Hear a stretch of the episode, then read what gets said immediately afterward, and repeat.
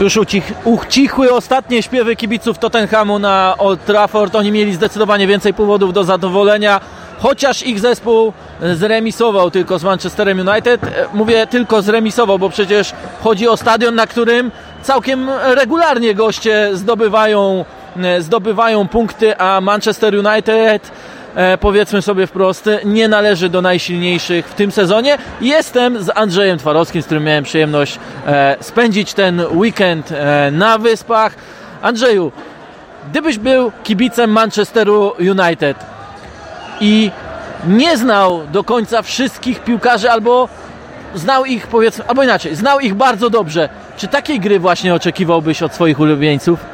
Absolutnie nie. To w ogóle mi się nie kojarzy z e, drużyną Manchesteru United, bo uważam, że tak wielki klub, który wydaje tak dużo pieniędzy e, na trenerów, na pensje piłkarzy, na transfery, po prostu w meczu domowym powinien przejmować inicjatywę.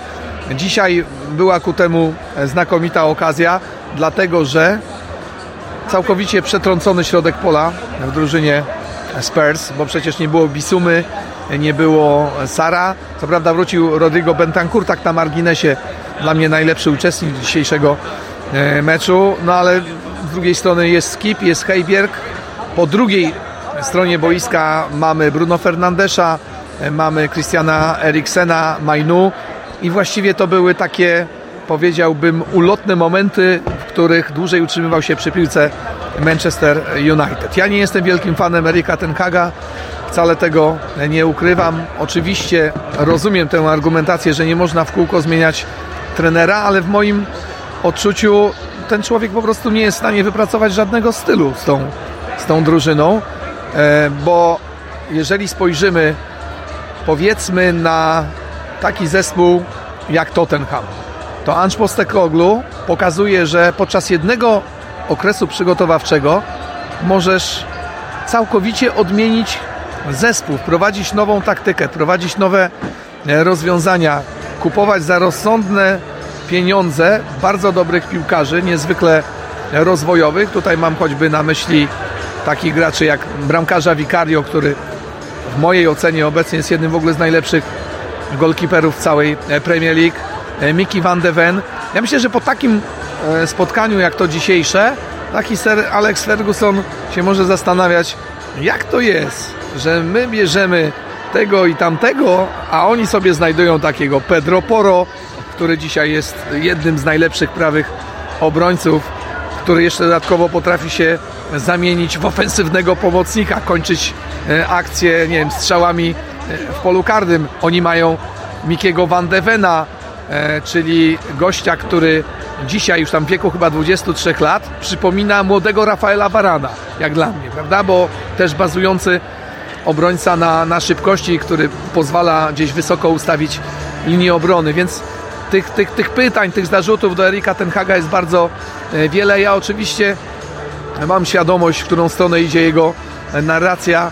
E, wiem dlaczego on e, po każdym spotkaniu szuka pozytywów, wskazuje na jakieś tam drobne elementy, które działały w drużynie, ale to jest taka bajka dla ludzi, którzy E, chyba tylko od święta oglądają piłkę nożną, bo jeśli ktoś śledzi drużynę Manchesteru United w tym sezonie, to niestety trudno jest znaleźć takie wiodące postaci. No dzisiaj możemy powiedzieć, że na dobrym poziomie zagrał Wan Bisaka, ale to jest tylko facet do zatrzymywania skrzydłowego e, rywali. Jest bardzo ambitny, dużo biegający, oddający serce drużynie Diogo, Diogo Dalot, ale to też na końcu niewiele z tego wynika. Dzisiaj niewiele dobrego możemy powiedzieć o, o Bruno e, Fernandesie, który jest tym zawodnikiem w całej lidze, który wypracowuje najwięcej sytuacji. Na pewno duży pozytyw to dyspozycja Rasmusa Hojlunda. Po nim po prostu widać, że jak e, gość strzelił gola, to zrzucił z pleców taki e, olbrzymi bagaż, który mu ciążył i dzisiaj strzelił przepięknego gola lewą nogą. Potem rozegranie sklepki z Rashfordem klasowe, prześlignął Van de Vena takim bezpośrednim starciu przy linii bocznej, co nie jest prostą sprawą i łatwą e, sztuką. Jeszcze było takie ładne e, zagranie do chyba Markusa e, Rashforda, także to był taki najjaśniejszy punkt w drużynie Manchesteru United, ale to jest jeden człowiek. To, to nie, może, nie może w ten sposób wyglądać. Znaczy ja jakby nie widzę tego momentu, który ewentualnie dostrzega Erik Ten Hag jakiegoś przełomu w tej drużynie. Po prostu nie wiem, co miałoby się stać. Może ty mi pomożesz. Sam się zastanawiam. Wydaje mi się, że oni po prostu potrzebują dłuższej przerwy i rewizji tego wszystkiego, co Erik Ten Hag robi, a sam Erik Ten Hag po prostu musi skupić się na pracy z drużyną, a nie już na przeprowadzaniu transferów, bo te wychodzą mu, umówmy się, średnio. Czytałem taki tekst The Athletic przed tym meczem, w którym wypowiadał się jeden agent prężnie działający, oczywiście też anonimowo się wypowiadał, ale działający na rynku angielskim, który powiedział wprost, że potrzebny jest nawet nie tyle konsultant, ale cały taki dział, który by wsparł i czasem zopiniował tych zawodników proponowanych przez Erika Tenhaga, a wiemy, że miał e, siłę wpływu na swoich e, pracodawców. E, Holender w tym okienku transferowym, w którym trafił, e, wyciągnął z nich jeszcze więcej pieniędzy, ale żeby to się przełożyło na jakość piłkarską, to nie możemy tego absolutnie e, powiedzieć. Wielu młodych zawodników, którzy może w przyszłości coś będą znaczyli, ale sam ten hak, i tu powiedziałeś jedną rzecz, zaraz do tego nawiążę, sam ten hak mówi Manchesterze United, jasne, ja mogę rozmawiać o przyszłości, o tym, że przed Hojlundem na przykład ta przeszłość, przyszłość jest e, świetna, ale tak naprawdę oni muszą wygrywać i dawać wygrane już teraz. Sam nazwałeś Erika Tenhaga trenerem, który hmm, jak to ująłeś, najlepiej reklamuje samego tak, siebie. Jest, e, Erik Ten Hag jest e, najlepszym PR-owcem Erika Ten Haga. O to, mi, o to mi chodziło. Znaczy ja uważam, że obowiązkiem menadżera, trenera jest takie przygotowanie drużyny, żeby jego piłkarze zbliżali się do optimum swoich możliwości. O kim możemy to powiedzieć w tym sezonie w Manchesterze United? No niełatwo jest znaleźć takie dwa nazwiska szczerze mówiąc. Jak Dla tak mnie... przelecimy, przelecimy po protokole meczowym z tego dzisiejszego starcia z Tottenhamem. A z drugiej strony widzę drużynę Spurs, w której brakuje 13 ludzi i to jest ten sam futbol, który oni by tutaj prezentowali, mając do dyspozycji Sona, Madisona i wszystkich pozostałych. Czyli można to zrobić, ale być może Erik Ten Hag tego nie potrafi, a niewykluczone, że problem tkwi nieco głębiej. To znaczy, ja mam takie przeczucie, ale oczywiście mogę być w totalnym błędzie, że ci piłkarze nie lubią tego trenera. A jak kogoś nie lubisz, to też niełatwo jest tobie przyswoić jego, jego pomysły, bo on też jakby w mojej ocenie nie jest żadnym wybitnym strategiem, a do tego wszystkiego e, jest e, osobą niezarażającą optymizmem, nie umiejącą rozładować atmosfery. Ten kontrast żartem. z Postekoglu ja jest znaczy ja ogromny, ta, prawda? Znaczy ja, mam takie, ja mam takie odczucie, że to jest taki wymagający, surowy nauczyciel, którego klasa nie lubi, a on też nie do końca potrafi przekazać uczniom swoją wiedzę. To Andy Mitten napisał ten tekst e, w The Athletic i jeszcze zanim cię puszczę, bo wiem, obiecałem, że tylko 10 minut skradnę tego cennego, cennego czasu. E, napisał Andy Mitten w tym tekście również, że to nie jest tak, e, iż e, Erik Ten Hag stracił szatnię, bo w szatni jest 25 zawodników, każdy ma inne odczucia na danym etapie sezonu wobec tego trenera, ale nie widać w tych zawodnikach przekonania, że to prowadzi w, jakimś konkretnym kierunku. I na koniec chciałem Cię zapytać o Tottenham, a w zasadzie o Postekoglu. Wczoraj po meczu Newcastle z Manchesterem City, fantastycznym zresztą.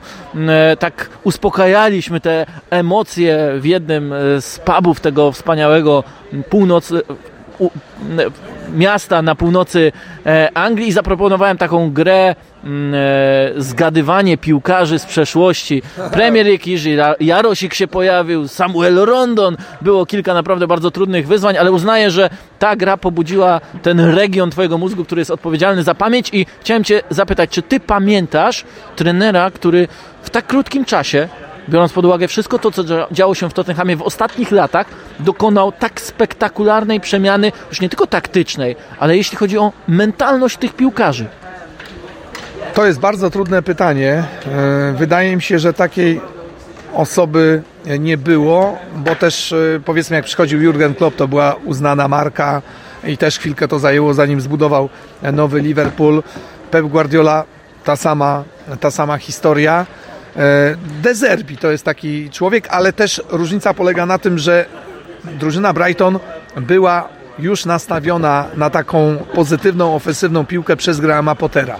Więc ta robota Dezerbiego, którą ja bardzo doceniam, on miał ułatwione zadanie, bo tutaj trzeba było po prostu wszystko postawić do góry, e, do góry nogami w porównaniu z tym, co było wcześniej w zespole Tottenhamu. A to nie było tak, że tylko era Antonio Conte, bo wcześniej był Nuno Espirito Santo, defensywny trener, Jose Mourinho, nikomu nie trzeba przedstawiać. Ja doceniam oczywiście klasę Portugalczyka, wielkie, wspaniałe sukcesy, ale wydaje mi się, że e, w dzisiejszym futbolu to już jest taka piłka trochę dla mnie przynajmniej nie, nie do oglądania.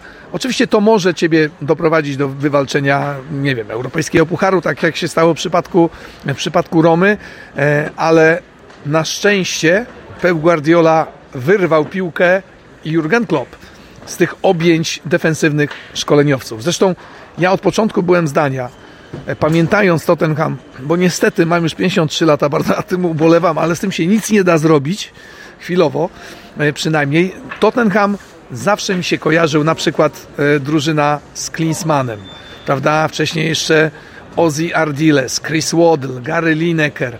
To zawsze był futbol, który chciało się oglądać. Może tych sukcesów za wiele nie przeżywali kibice Tottenhamu, ale była pewna taka tożsamość z określonym e, stylem, którym miał ludziom dawać rozrywkę. Jestem zachwycony Andrzem Postekoglu nie tylko jako trenerem, ale także jako człowiekiem. Wydaje mi się, że jest to osoba niezwykle szczera, lubiąca ludzi, nie chwytająca się takich, powiedziałbym, tych mind games, tych gierek psychologicznych, e, nie następująca nikomu na odcisk, nie prowokująca do, do takich złych... Ostatnio miał parę czasem, starć postaj, ale, No dobra, ale okej, okay, ale to się, może, to się może zdarzyć, bo ty mi y, też mówisz chyba o tej sytuacji, kiedy został chyba spytany o Erika Dajera i jego to lekko wyprowadziło z równowagi, bo ktoś mu zarzucił, że on nie jest do końca szczery, że to może nie być prawdziwy e, powód absencji Erika e, Dajera. Ale co to pokazuje?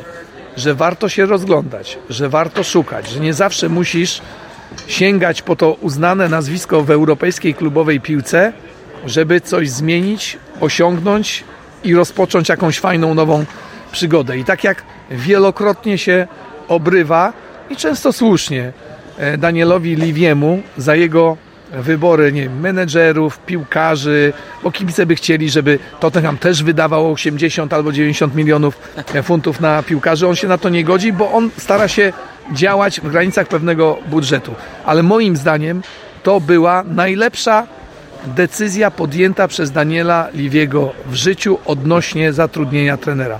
To właśnie ten Anż Postekoglu, wy tego nie widzicie, bo teraz mamy akurat wywiad e, z Australijczykiem. Znaczy to jest taki, to jest taki facet, powiedziałbym trochę jak Carlo Ancelotti, że wchodzisz na salę weselną, widzisz tego gościa i myślisz sobie, fajnie by było, jakby mi go przy nim usadzili, bo to jest po prostu coś takiego dobrego jest w tych oczach, w tym, w tym człowieku. Także przepraszam, się rozgadałem, ja już muszę lecieć. Pozdrawiam wszystkich serdecznie dziękuję Michale za zaproszenie do Twojego podcastu. Dziękuję e, bardzo. Tak chciałem powiedzieć, tylko patrząc na ten entuzjazm, jak zawsze podchodzisz do meczów, do angielskiego futbolu, że nie 53 lata, tylko że zaraz czeka Cię trzecia osiemnastka. I to tyle. Dziękuję Ci bardzo. A ja tylko chciałem jeszcze powiedzieć parę zdań o takich kwestiach indywidualnych, może jeśli chodzi o e, samą grę. Andrzej wiele powiedział o tym, jak Tottenham wygląda i jak prezentuje się e, jak prezentuje się e, pod względem mentalności, to ja tylko chciałem, że dla mnie tutaj żarty. Miałeś iść, przepraszam bardzo. Tak, dziękuję bardzo. Tutaj proszę nie, e, nie doprowadzać do. Nie, proszę nie awanturować. Klient, klient bez krawata. E, tak. Więc wracając, wiele było o tej przemianie w Tottenhamie w takim bardziej ogólnym, pełnym ujęciu, powiedziałbym, ze strony także Postekoglu, a dla mnie Tottenham to jest drużyna, w której każdy zawodnik czuje się rozgrywającym. Nie ma lepszego przykładu niż to, co zdarzyło się przy golu na 2 do 2, które, gdzie akcję rozpoczął mm, po otwarciu gry oczywiście Vicario, ale piłka powędrowała do Cristiana Romero. No i fantastycznie odnalazł Oliviera Skipa. Ja miałem spore wątpliwości po pierwszych 45 minutach, czy Tottenham jest w tym meczu w stanie zagrać taką akcję, powiedziałbym, swoją. No bo te wszystkie braki, o których wspominaliśmy wcześniej, ważą po prostu przeogromnie. No, jaki zespół mógłby sobie z tym poradzić? Mowa o 13 nieobecnościach, a przecież Erik Ten Hag przy 8, 9 mówił jeszcze przed tym meczem, że nie, żaden zespół by sobie nie poradził. A Tottenham? Tottenham tak naprawdę wciąż walczy. Może nie o mistrzostwo kraju, e, choć sam Postekoglu tego nie wyklucza, ale walczy o Ligę Mistrzów i nie należy odbierać im absolutnie szans, skoro nie robi tego sam Australijczyk. No ale mimo wszystko taka druga linia ze Skipem, Bentankurem nawet, którego Andrzej e, wyróżniał, ale też z Hojbiergiem, no nie można było dawać im wielu szans. Natomiast to podanie Romero do Skipa, jego dalsze rozegranie, ruch na wolne pole, który stworzył tak naprawdę przestrzeń do podprowadzenia piłki Wernerowi, a później do zagrania do Bentancura, no to było coś naprawdę kapitalnego. To, to była akcja po prostu typowa dla Tottenhamu, gdzie wszystko przebiegło w sposób niezwykle, niezwykle planowy. I to tylko pokazuje, że w takim zespole, niezależnie od tego, co się dzieje, każdy może być rozgrywającym. Dziś dla mnie nim był Pedro Poro. No niesamowicie się ogląda swobodę, z jaką on sobie interpretuje po prostu ten mecz. To nie jest tak, że on ma jakieś konkretne zadania, choć pewnie mu dają, ale ja chciałbym się o tym oczywiście dowiedzieć. Czy od Postekoglu, czy od jego e, asystentów e, Jedinaka, e, Masona. No, jak, jak to wygląda, że mają oni tyle swobody? Była taka sytuacja w drugiej połowie, że cała akcja mm, Tottenhamu przyspieszyła po podaniu bodaj od Hojbierga do właśnie Pedro Poro, który był ustawiony na kole w zasadzie na połowie Manchester United, a 5 metrów od niego był e, Udogi, dwóch bocznych obrońców 5 metrów od siebie w środku pola grający jako rozgrywający. No, sam Pedro Poro jest po prostu niesamowity, jak on się odwraca z piłką, gdzie on się odnajduje. Oczywiście tych zawodników trzeba tam też znaleźć. Przypominają mi się słowa Postekoglu e, o tym, e, jak czego chciał od swoich e, piłkarzy. I on mówił to jeszcze latem przed startem tego sezonu, że mają zniknąć e, takie myśli, że ktoś jest obrońcą, atakującym, albo nawet pomocnikiem, które tak naprawdę ograniczałyby e, potencjał tych piłkarzy, ich kreatywność, wyobrażenie w stylu gry, jaki ma prezentować Tottenham. I wydaje mi się, że mając takich piłkarzy jak właśnie Poro, ale też Udogi, czy to wynika z ich inteligencji piłkarskiej, czy też po prostu bezczelności, kreatywności, aspektów totalnie naturalnych, to po prostu gdyby takich zawodników nie miał, którzy by tak chętnie wdrażali te po prostu pomysły, czy tę myśl, filozofię Australijczyka, to ten proces trwałby znacznie dłużej. I może dlatego widać tak dużą różnicę między pomysłem na grę Manchester United a Tottenhamu nawet jeśli dziś skończyło się remisem, nawet jeśli wciąż Tottenham ma tylko jedną wygraną na boiskach rywali z Wielkiej Szóstki w 17 ostatnich e, spotkaniach, bo wydaje mi się, że to jest po prostu zespół, który idzie w zupełnie innym kierunku niż Manchester United. Może nie było przekonanych piłkarzy w drużynie Erika Tenhaga i dlatego oni zbyt często muszą e, przywdziewać szatę drużyny przeciętnej, średniej, ograniczonej. I im bardziej ci zawodnicy myślą o swoich ograniczeniach, o tym, że czegoś nie mogą zrobić, czy mm, po prostu przez coś nie mogą czego, czegoś dokonać na boisku, przez kontuzję nie mogą zagrać tak, jakby chciał tego Erik Ten Hag, przez natężenie spotkań nie mogą tak często presować, jakby Holender tego chciał, no to to ich właśnie e, w budowie dalszej Manchester United ogranicza. A Tottenhamu na razie nie ogranicza nic poza kontuzjami, czy może nawet kontuzje też nie są e, takim wielkim ograniczeniem. Niesamowicie ciekawie się oglądało Tottenham na żywo, zresztą po raz kolejny. Tyle z Old Trafford, które już opustoszało, nie ma też Andrzeja, a ja kończę. E, dzięki za ten weekend, e, mam nadzieję, że do usłyszenia. Zachęcam oczywiście do zostawiania komentarzy, polubień, subskrypcji na moich kanałach podcastowych. Dzięki, cześć, do usłyszenia.